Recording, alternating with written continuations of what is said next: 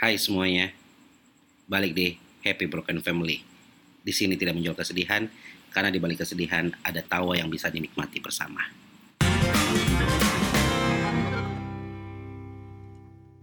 Uh, gue nggak tahu mau basa-basi apa dan nggak tahu mau ngomong apa, tapi kali ini gue bakal ngobrol sama nyokap gue tentang 24 jam setelah dia bercerai. Dan gue juga pengen ngajak kalian semuanya nih, buat teman-teman yang pastinya lagi dengerin, yang mungkin punya pengalaman tentang broken home atau punya pengalaman tentang keluarganya yang broken home bisa banget lu ceritain ke gue nanti gue bakal ceritain juga ke semua pendengar yang ada di sini. Langsung aja kirimin cerita kalian ke happybrokenfamily at gmail.com sekali lagi langsung kirim aja cerita kalian ke happybrokenfamily.com eh happybrokenfamily at gmail.com oke okay? happy brokenfamily at gmail.com karena gue bakal bacain uh, cerita-cerita seru pengalaman-pengalaman seru di balik broken home. Karena gue yakin banget ya balik lagi. Gue dari awal yakin bahwa walaupun broken home ini adalah sebuah kesedihan tapi kalau diceritain dengan keikhlasan itu pasti ada kelucuan atau mungkin ada pengalaman seru yang bisa kita obrolkan bersama, kita sharekan bersama dan menjadi apa ya, menjadi pelajaran, jadi nilai positif yang bisa dilewati bersama. Ya, gue tunggu ya email-email kalian, cerita-cerita kalian ke gue dan gue bakal baca di podcast gue. So, langsung aja kita bakal ngobrol sama nyokap gue tentang 24 jam setelah dia bercerai.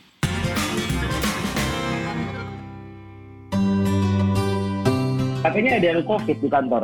Kenapa? Katanya ada yang COVID di kantor. Iya, begitulah kita dalam perjuangan Waduh. untuk bisa tetap produktif di Betul, tengah betul, pandemi. Betul, betul, betul, betul. Tapi jadinya ngantor lagi atau WFH? Udah ngantor, Bang. Oh, udah ngantor. Tuh, kirain, kirain ini apa? Kirain eh, di rumah lagi karena ada yang COVID. Tetap ngantor, tetapi eh, untuk staff itu dibuat sip-sipan, tiket, jadwal Oh. tiket lah. Oh, Ya. jadi nggak semuanya langsung masuk ya? Dan semua yang boleh masuk 30% dari jumlah karyawan. Oh, 30 persen. Bukan di 50 ya? Ya, untuk level staff ya. Jadi satu orang masuknya dua hari dalam seminggu. Oh, gitu. dua hari Tapi- dalam seminggu. Ya, Kalau sampai level level staff sampai level kabak betul. Kalau mama setiap hari. Tiap hari masuk, tiap hari masuk. Nah, Mbak, em, Ya. waktu waktu pertama kali cerai itu umur berapa, Mbak? Umur berapa ya bang ya? Aduh, udah 30 lupa ya? ya. 30-an ya? Udah lama banget. 30-an kalau nggak salah. 30 tuh Ian tuh umur 10 tahun kalau nggak salah. Nah. Ya, Eh, tapi sebelum waktu itu, sebelum nikah tuh Mama udah punya pacar belum sih? Belum sebelum nikah sama, sama Papa? hmm, gak punya. Emang? Gak punya ya pacarnya ya cuman itu. Oh, langsung nikah? Maksudnya eh, Ya. pacar, pacar satu langsung nikah gitu loh? Ya, Oh, karena pertanyaannya Jadi ya- adalah, Hah? Hmm? ya itu aja. oh pantesan cerai belum ada pengalaman sih. belum ada pengalaman sih makanya langsung makanya langsung cerai kan. Coba kalau udah punya Ya pengalaman sama cowok, Cowok, makanya kalau punya pengalaman sama cowok-cowok kan bisa tahu gitu loh. Tapi Ya bisa tapi- iya, bisa enggak ya. Tapi berarti enggak. Tadi saya pengen nanya, sebenarnya pengen nanya kayak bedanya pacaran sama putus tuh apa bagi mama? Tuh Maksudnya sama aja kan, tapi apakah ada perbedaan dari eh, apa ya eh, sensasinya? Beda apa bang? Pertanyaannya mungkin antara putus saat pacaran dengan divorce, mungkin begitu ya iya, maksudnya. iya betul. Oke, Eh, berbeda pasti berbeda bang, dan berbeda banget. Eh, mungkin kalau putus pacar, mama nggak bisa deskripsikan ya, karena mama itu ya menik, ya pacaran yang langsung menikah gitu loh, ya. Iya, ya betul betul betul seperti betul. itu. Jadi nggak pernah ngerasain putus pacar itu bagaimana. Tetapi eh, ya mama sering denger lah, ya, sering Hmm. baca katanya eh, menyakitkan putus pacar itu, ya, Hmm, apalagi hmm. yang di usia-usia remaja seperti itu ya. Hmm, Tetapi Hmm. menurut mama itu dua hal yang sangat berbeda. Kenapa? Eh, putus di saat pacaran itu itu sesuatu yang lumrah. Kalau memang lumrah. tidak ada kecocokan. Ya kan? Oke. Karena Ya, betul, betul. kembali ke tujuan pacaran, pacaran itu kan sebenarnya masa di mana kita penjajakan untuk Mhm. memilih satu pasangan hidup kan, Ya, seperti betul, itu. betul, betul. Eh, jadi eh, kalau tidak cocok dan memutuskan untuk berpisah itu sesuatu yang wajar-wajar aja, ya Hmm. seperti itu. Nah, kalau cerai, Kalau bercerai itu hal yang sangat berbeda. Kenapa? Karena eh, pernikahan kan sebenarnya bukan masa uji coba, berbeda Iya, dengan iya. saat pacaran. Iya kan? iya, iya, iya, bukan bukan trial and error gitu loh. iya, Ya. iya, iya, betul, betul. Eh, semua orang pada saat masuk dalam satu rumah tangga dalam pernikahan tidak ada yang menginginkan perpisahan itu pasti Ya, ya betul. Eh, inginnya selamanya ya istilah istilah yang kerennya itu apa bang grow all together waduh Oh, iya. ya men- Tua bersama menua ya. tua bersama ya Iya. seperti Ma- mama itu Kalau mama kan nggak sempat tua bersama, udah udah nggak nggak bareng. Enggak. judulnya diganti bang Apa jadinya? tua masing tua masing-masing ya Tua kan masing-masing. pasti tapi masing-masing Iya dong, Iya kan? Hmm. seperti itu. Jadi kalau pacaran, eh, probability untuk eh, berpisah itu mungkin bisa udah memang bi- menjadi salah satu hal yang mungkin bisa diantisipasi karena mungkin lumrah saja ya. terjadi. Namanya, Dan lumrah. ya namanya kan masa penyesuaian seperti itu. Makanya kalau Bahkan misalnya lebih bagus lebih bagus putus ya pada saat pacaran karena tidak cocok, ya kan? Karena kan Ya. eh, berusaha untuk mendapatkan yang yang terbaik Baik. untuk masuk Ah. ke jenjang yang eh, serius, yang tadi Ya, grow ya. all together itu loh, seperti itu. Nah, Nah kalau di pernikahan nggak bisa seperti itu, nggak ada orang yang mau menikah terus ngomong gini, aduh saya coba dulu deh, Eh, kalau nggak cocok ya nggak apa-apa, nanti ganti lagi. Nggak ada bang. nikah aja dulu deh kalau nggak cocok cerai ada. lagi. iya nggak ada seperti itu, ya Eh, semuanya pasti memiliki eh, komitmen bersama, ya Benar, untuk bisa melewati sampai dengan maut memisahkan seperti Nah, itu. berarti Bang. kalau misalnya Jadi banyak anak artinya- muda banyak Benar, Bang. Nah, Jadi artinya dari situ saja sudah pasti eh, kadar menyakitkannya berbeda ya. Karena di saat Oke. pacaran itu sesuatu yang mungkin eh, walaupun tidak diinginkan tapi bisa diantisipasi ya. oke, artinya oke. ada preparation, ada persiapan kan untuk itu ya namanya uji coba gitu ya. Ya ya ya ya ya. Tetapi ya, ya, ya. pernikahan itu nggak ada persiapan untuk itu. Pas mau menikah terus ah, saya siap ya, saya siapin hati nih. Siapa tahu bercerai. Nggak ada kayak gituan gitu loh. Jadi begitu itu terjadi, Hmm. itu terjadi ya memang ya sangat-sangat menyakitkan seperti itu. Oh, berarti kalau misalnya zaman putus kan ada orang bilang lu kalau jatuh cinta harus siap dengan eh, sakit hatinya. Itu nggak itu nggak Hmm, bisa betul. diberlakukan di pernikahan ya. Lu siap nikah, siap juga cerai. Betul. Enggak dong. Betul, nggak ada dong kayak gitu, Berarti gitu kan? berarti kalau misalnya anak-anak muda bilang eh, ketika putus sama pacarnya terus stres kayak wah hidup gua berakhir itu itu goblok banget ya berarti ya.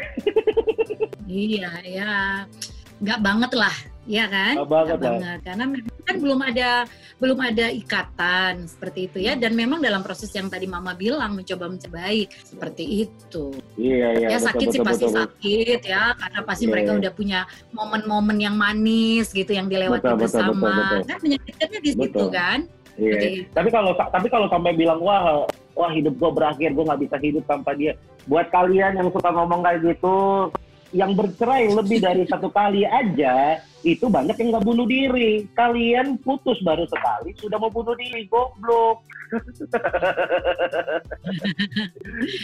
Ya Nah. memang mungkin eh, menyakitkan tapi harus bisa dilihat positifnya ya. Kembali Betul, lagi betul, kepada betul. tujuan pacaran itu. Betul betul betul betul. Nah, Itu Bang. 24 Hmm. jam setelah bercerai, em, persidangan pasti persidangan tuh pasti siang, nggak mungkin malam persidangan. Ketok palu itu pasti siang. Eh, coba, eh, Ian mau nanya, 24 jam setelah bercerai sama mama tuh di dengan ngapain aja? Nah, apa apa ketika hakim berkata eh, resmi cerai yang di pikiran mama apa yang di hati? Oke, eh, ini pertanyaannya jawabnya gampang-gampang susah ya Bang ya? Iya, iya betul, betul, betul, betul. Ya, eh, apa yang dirasakan? Yang tadi, eh, yang pertama, yang pertama kembali lagi dengan yang tadi Mama jelasin bahwa nggak ada orang yang memang merencanakan perceraian pada saat dia eh, membentuk sebuah pernikahan atau sebuah rumah tangga ya. Eh, even di satu titik dia harus diperhadapkan Hmm. dengan keputusan seperti itu, ya, Hmm. tetap saja itu sesuatu yang eh, sebenarnya nggak diinginkan, gitu. Ya, ya, Jadi betul. begitu ada eh, eh, apa namanya keputusan dan disahkan misalnya oleh lembaga yang berwenang ya tentang Hmm. perpisahan itu, ya tetap tetap aja itu sesuatu yang mengejutkan gitu. Walaupun memang sudah memang di- misalnya kita mengajukan, kita mengajukan, tetapi pada saat keputusan itu keluar tetap aja mengejutkan seperti itu, bang. Walaupun Mengejutkan karena sudah, apa? walaupun walaupun sudah dia, dia yang dia yang gugat, dia yang kaget.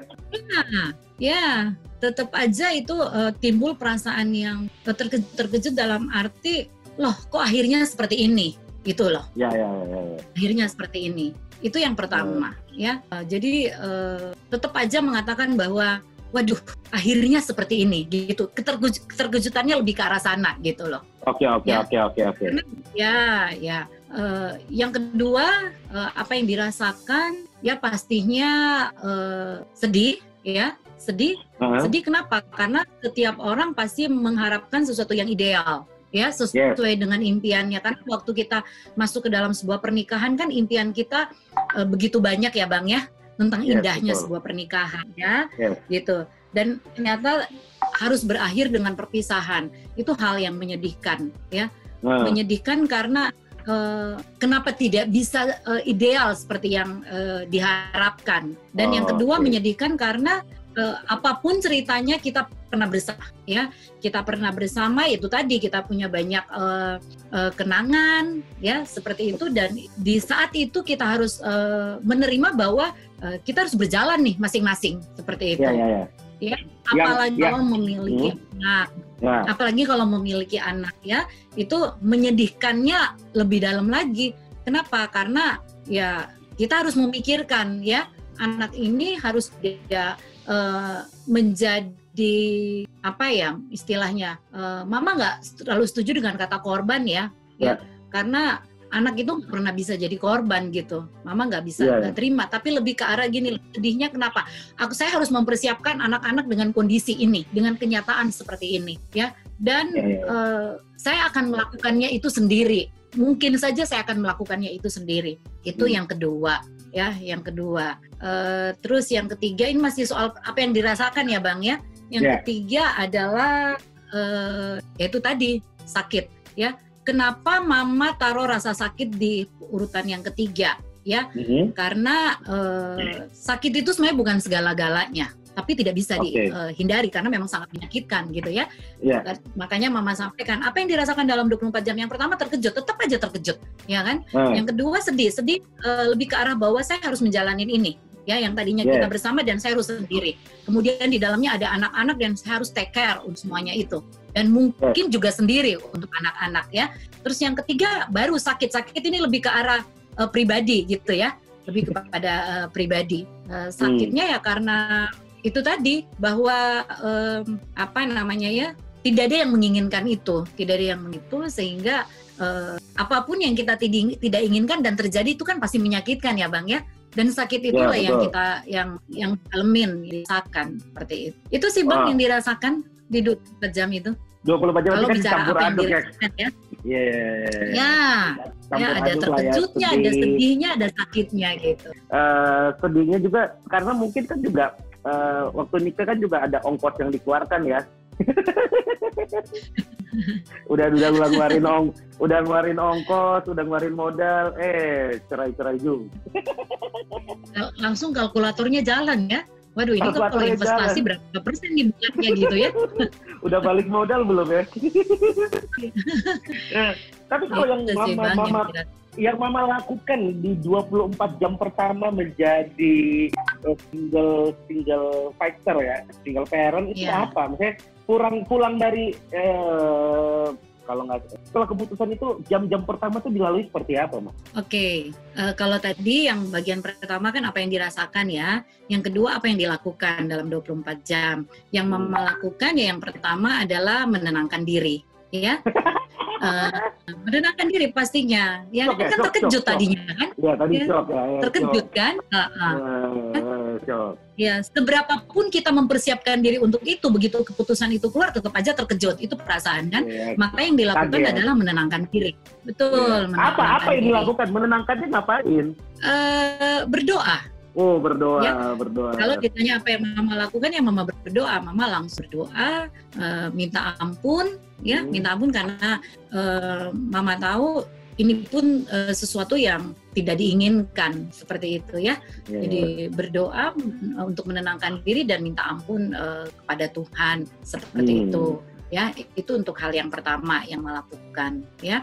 Eh, Terus, yang terus, berikutnya adalah yang berikutnya adalah eh, mama berusaha untuk menghubungi anak-anak ya waktu itu Ian sih masih kecil ya ya, ya betul. ya ya memberitahukan anak-anak eh, dan yang paling pasti adalah meminta maaf ke anak-anak ya mungkin Ian sudah Benar. lupa tapi mama pernah bilang sama Ian bahwa mama minta maaf untuk kejadian itu keadaan itu seperti itu ya kemudian yang ketiga apa yang dilakukan ya mulai mencoba untuk eh, merenung ya untuk planning hidup selanjutnya eh, saya harus kuat dan apa yang saya harus lakukan lebih ke arah persiapan untuk bisa hidup sendiri eh, bersama dengan anak-anak. Itu sih Bang. Tapi maksudnya 24 jam itu kan eh, mama di kan lupa tuh waktu itu itu yang sendiri juga lupa. Di rumah aja atau em, eh, coba untuk eh, mungkin pagi ya malamnya udah coba untuk jalan-jalan atau, atau untuk em, cari angin lah atau apa cari suami baru lah atau apa. Apa apa? Waktu itu Mama lagi di kantor, kemudian Mama dihubungin oleh pengacara ya bahwa eh, ini keputusannya sudah ada ya. oh itu lagi Ya di udah, kantor ya Mama. itu lagi di kantor ya Ya, itu lagi di ya udah kantor. Mama betul Mama terkejut, kemudian Mama merasa sedih dan sakit itu timbul rasanya. Hmm. Terus apa yang Mama lakukan? Mama pergi ke toilet Bang waktu itu. Mama ke toilet, Mama menangis Selfie. ya. selfie Mama kira ada nangis. selfie kira ada selfie. Belum ada selfie bang. Ya. Waktu itu iya, waktu itu kan handphonenya zaman Nokia pisang itu loh. Iya ya iya yang betul di betul betul. Ya yang bisa dipakai gosok baju handphonenya saking Iya, gedenya betul, gitu. Betul Ah, betul, betul. terus jadi terus, waktu terus kamar mandi? acara telepon mama eh, lari ke kamar ma- mandi mama nangis ya eh, mama menenangkan diri. Mama menenangkan diri di kamar mandi ya karena nangis tuh mama menenangkan diri di kamar mandi Hmm. kemudian mama berdoa di situ mama ingat banget mama berdoa di situ ya mama minta ampun eh, Hmm. sama Tuhan ya dan kemudian eh, setelah itu mama keluar mama kembali ke ruangan kantor ya bekerja Hmm. melanjutkan pekerjaan seperti biasa karena mama lagi bekerja.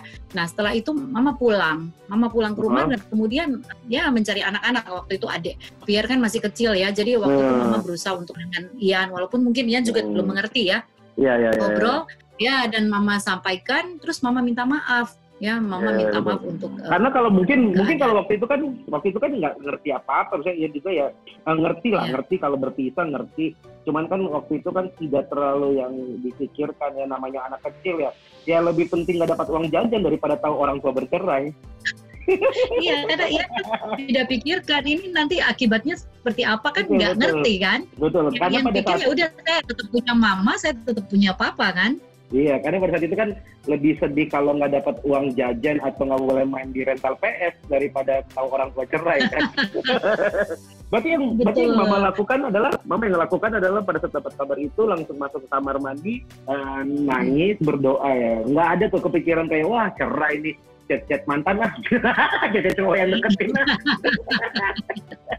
Soalnya nggak punya mantan, Bang. Kan nggak Oh, punya iya. mantan tadi di Mama sampaikan kan? iya betul betul nih Iya. betul nih jadi buat Gitu. kalian Eh, eh, jadi mungkin dia benar juga ya. Mestinya itu punya mantan ya biar eh, ceritanya jauh lebih dramatis ya. Betul dan bisa tahu sifat cowok gitu.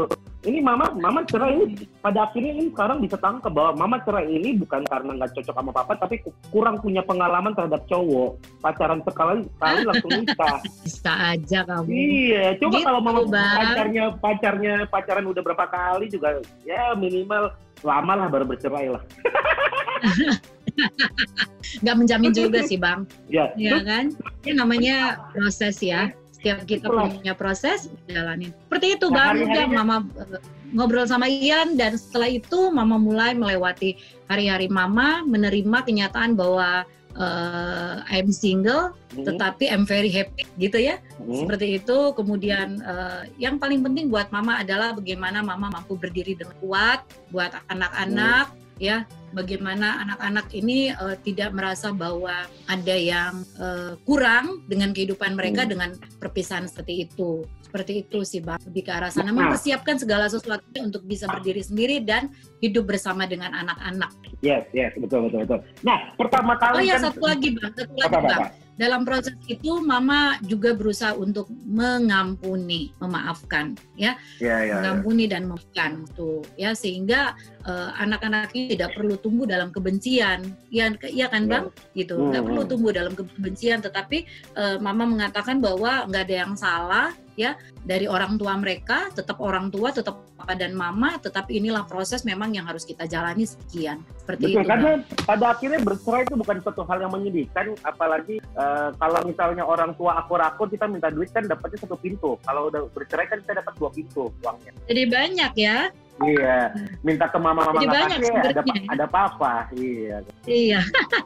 betul. betul betul betul betul Kalau rumah Dan tangga Mama akur-akur kan, eh, rumah tangga akur kan cuma Iya, satu dan Mama- doang dapat uangnya. betul betul dan mama selalu mengatakan buat Ian dan adik-adik inilah ke keadaan Bang Ian bersama adik-adik yang mungkin tidak dimiliki oleh eh, Betul. teman-teman Ian teman-teman Iya, abang yang lain tetapi tidak melihat dari negatifnya tapi mari kita melihat dari eh, proses yang kita alami untuk mendatangkan sesuatu yang positif ya. Dan ternyata Ian bisa menangkap tuh sisi-sisi positifnya ya kan? Bukan berfokus Hmm. kepada eh, hal-hal yang negatifnya. Tapi bukan berarti itu dijadikan contoh ya bang ya. Karena Iya, mama betul. selalu berkata bahwa perceraian apa pun itu sesuatu yang sangat menyaki- menyakitkan dan jika bisa kita berjuang untuk itu tidak terjadi seperti itu Ya, ya, ya, ya, betul, betul. Nah, Mak, pada saat pada saat eh, kan 24 jam setelah bercerai melewati hari pertama tanpa suami, em, ada rasa kagok nggak sih pas buka mata suami nggak ada di tempat tidur gitu? ya, ada yang ada Ya. yang ada ada ada yang hilang nggak gitu loh kayak "Wah, sempet kaget gitu loh. Wah, suamiku mana ya? apa apa apa yang dirasakan ketika bangun pagi nggak ada suami di samping itu seperti apa? Ya, itu Bang yang tadi Mama bilang kan, eh, setelah 24 jam itu adalah hal yang paling penting sebenarnya. Nah, ya ya ya. Bagaimana kita menyiapkan ya, menyiapkan diri dan menyiapkan hati, ya. Jadi setelah perpisahan itu bukan dalam 24 jamnya sendiri sebenarnya, Bang. Hmm. Tapi setelah 24 jamnya itulah itu adalah Ya. hal-hal yang paling penting untuk kita menentukan sikap dalam menjalaninya. iya, ya, ya, nah, nah, Di dalam 24 apa? jam Kayak tadi apa tuh? momentum, kan? iya. Nah, ya ya mungkin karena mama udah itu tadi dalam 24 jam yang tadi mama udah berdoa, kemudian udah minta ampun, kemudian ngobrol dengan anak-anak, kemudian mama sudah eh, memaafkan ya, melepaskan pengampunan sehingga mama menjalaninya jauh lebih eh, ringan ya. Ya memang tetap aja ada pra- perasaan sedih tetapi mama berusaha untuk bisa eh, bersahabat dengan kondisi tersebut seperti itu. Nah, nah. Dan waktu itu sih apalagi ada, Hmm. ada Ian ya, Ah. ada Ian sih ya. Dan Ian kan tuh lengket lengketnya sama mama kayak apa gitu kan. Ah. Jadi kalau bangun nggak ada bapaknya ya ada anaknya, ya kan? karena sama pula anaknya gitu ya. karena anaknya mukanya sama kayak suaminya. iya kan? Sama pula ya gitu. Terus, terus melewati maksudnya ya melewati hari-harinya terus em, apa apa eh, ma bukan malu ya bisa sekuat kayak pasti kan ada yang hilang lah, ada yang merasa aneh dalam menjalani hari-harinya gitu loh. Em, emang gampang gitu move on-nya? Hmm, Gini loh, orang kalau on pacaran ya, nih, nih, ya? gini nih orang kalau pacaran Ya. zaman sekarang tuh Naya kayak ga- kalau udah putus tuh galaunya tuh minta ampun kayak lihat wah ini ini tempat yang gua pernah pergi sama dia. Waduh ini cowok waduh cowoknya mirip banget sama cowok gue. Aduh si ini nih aduh gue galau nih lihat itu tuh orang itu tuh pakai baju yang cewek gue pernah pakai gitu-gitu loh. Galonya yang galau-galau yang nggak masuk akal gitu loh. Kayak akhirnya bisa membuat jadi orang susah move on gitu loh. Karena yang bikin susah move on itu bukan karena kangen sama orangnya tapi karena karena kangen dengan situasi yang pernah dilewatin bersama kan? Nah mama melewatinya seperti apa ini kan kata tadi ya. kata mama kan bercerai itu kan lebih berat daripada putus. Nah, melewatinya seperti apa? Uh, ya sama sih bang, pasti itu juga dirasakan ya, hmm. ya uh, kangen dengan momen-momen kebersamaan itu. Uh, hmm. Tetapi mungkin ini pertanyaan abang tadi itu menarik sebenarnya di dua pertanyaan pertama, hmm. apa yang dirasakan dan apa yang dilakukan itu menjadi hal yang menentukan tuh untuk menjalani 24 setelah 24 jam. Hmm. Uh, mengerti maksud mama ya?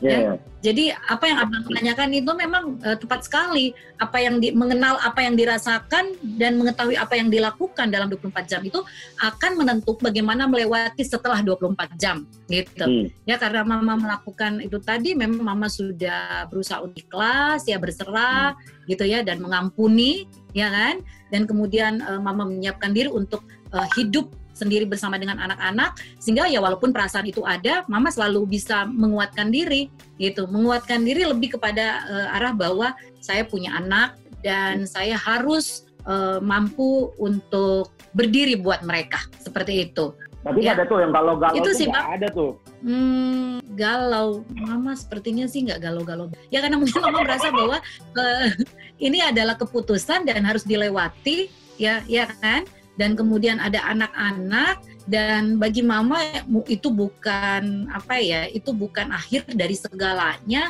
Kemudian kehidupan akan jadi kiamat. Uh, mama sih nggak berpikir seperti itu ya. Makanya mungkin mama merasa nggak galau-galau juga ya. Karena masih gitu. banyak pria pria di luar sana ya. Ya nggak sih bab. Mama nggak berpikir seperti itu. Tapi lebih kepada uh, bahwa saya harus kuat buat anak-anak. Itu sih. Ya, ya. saya harus kuat buat anak-anak um, mereka harus tahu bahwa saya ada buat mereka uh, dan mereka juga harus merasa bahwa nggak ada yang kurang dalam hidup mereka dengan perpisahan ini dan mama berjuang untuk itu seperti itu. Oh. Tapi kalau Ian tanya mungkin begini, kalau mama galau galaunya apa? Galaunya yang paling berat buat mama itu sebenarnya hmm. adalah pada saat melihat anak-anak mama. Kenapa? Gitu. Kenapa? Melihat Ian dan melihat adik-adik itu mama ini mama jujur nih sama Ian ya. Mama tuh ngumpet nangis. Dia nggak pernah tahu, tapi Mama ngumpet uh. nangis. Uh, nangisnya adalah karena uh, anak-anak saya kok harus melewatin seperti ini, seperti itu. Itu sih yeah, yeah. yang Mama menangis. Tapi setelah itu Mama berdoa lagi, minta kekuatan dari Tuhan, ya, meminta supaya Tuhan memampukan Mama supaya anak-anak hmm. bisa tetap merasakan hmm. cinta dan kasih sayang gitu, ya, hmm. dalam kondisi yang tidak normal seperti yang kita alamin. Itu sih bang. Lebih ke arah sana. Mama sedihnya tuh kalau ngelihat anak-anak. Lebih, mama lebih ke anak-anak ya? Gitu. bukan ke orang-orang lebih ke yang ngejat bukan ke diri mama. ngejat, bukan ke diri atau, mama. atau ke orang luar yang ngejat dan lain-lain. Enggak enggak. Enggak. Mama lebih ke arah uh, ngelihat Ian dan adik-adik ya. Saya selalu melihat dan kemudian setelah itu happy. hmm? setelah itu menjalani dengan happy setelah itu menjalani dengan happy. Setelah itu yang sama ya, seperti yang rasakan sendiri, kita kehidupannya kayak apa ya kita jalani dengan happy, kita melihat itu sebagai satu proses hidup yang harus kita lewatin, mungkin itu uh, tidak sama dengan orang lain, tapi kita hmm. mampu menerima bahwa kondisi tidak normal kita itulah kondisi normal kita. Iya betul. Ini poinnya bang. Ya, ya, ya. Ini poinnya. Karena mungkin, uh, karena mungkin, karena mungkin mas uh, emang ketika kita bisa jujur dengan perasaan kita uh, bahwa ya udah kita nggak bisa bersama uh, bisa bikin lebih happy karena pada akhirnya uh, ketika kita mengakui bahwa kita tidak bisa bersama lagi tuh jauh lebih happy daripada bersama tetapi pura-pura happy gitu mempertahankan hmm. mempertahan mempertahankan sesuatu yang uh, emang tidak bisa dipertahankan dan berusaha dipertahankan itu kan kerjanya dua kali gitu loh. Mem pertama mempertahankannya, yang kedua mencoba untuk happy menjalaninya ya mungkin mungkin mungkin ya. Nggak disalahin juga atau apa karena ketika ketika sudah bercerai dan perceraian kan adalah simbol bahwa oke okay, kita sama-sama nggak tahu sama-sama tahu bahwa uh, kita nggak bisa bersama. Akhirnya itu yang membuat lega ya. Lega dalam arti ya happy bisa menjalani hidup bareng-bareng. Daripada bareng-bareng jadi konflik mending sendiri-sendiri tapi happy lah iya nggak sih uh, uh, mungkin begini ya bang ya kalau mama boleh hmm. sharing apa hmm. yang lewatin ya kalau dikatakan uh, lebih happy karena bisa sendiri nggak juga sih ya karena pada saat bersama juga ada kebahagiaannya ya Hmm. pada saat bersama juga punya kebahagiaan yang berbeda gitu dan sekali lagi bahwa nggak ada perceraian yang eh, tidak menyakitkan ya Ya kan betul. Perceraian itu pasti menyakitkan seperti itu bang Ja- karena tujuan pernikahan bukan untuk bercerai gitu Ya kan ya ya. tujuan pernikahan adalah untuk selama-lamanya. Artinya dalam proses melewatin itu pasti ada kebahagiaannya.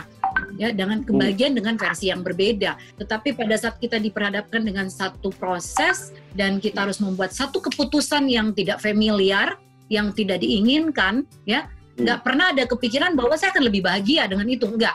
Tidak seperti itu sih Bang kalau buat mama. Ya, Oke oke karena- oke. Ya, karena waktu melewati dengan pasangan ada kebahagiaannya kok. Ya, cuman Ya. uh, by the time ada proses kita harus mengambil keputusan yang tidak favorit, gitu kan? Tidak favorit dan uh, tidak diinginkan sebenarnya. Ya. Apakah itu menjadi lebih bahagia? Tidak, tidak.